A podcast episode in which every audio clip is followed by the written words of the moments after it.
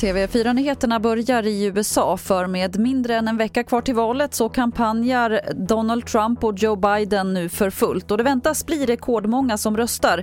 Thomas Kvarnkullen rapporterar från USA. Ja, det är väldigt många som har förtidsröstat. Den senaste siffran ligger runt 70 miljoner ungefär. Och eh, även om vissa har bestämt sig så är det viktigt för kandidaterna att fånga in de sista rösterna. Det märks exempelvis på det Donald Trump eh, säger. Han lägger väldigt mycket kraft på att eh, locka till sig de kvinnliga väljarna i valet.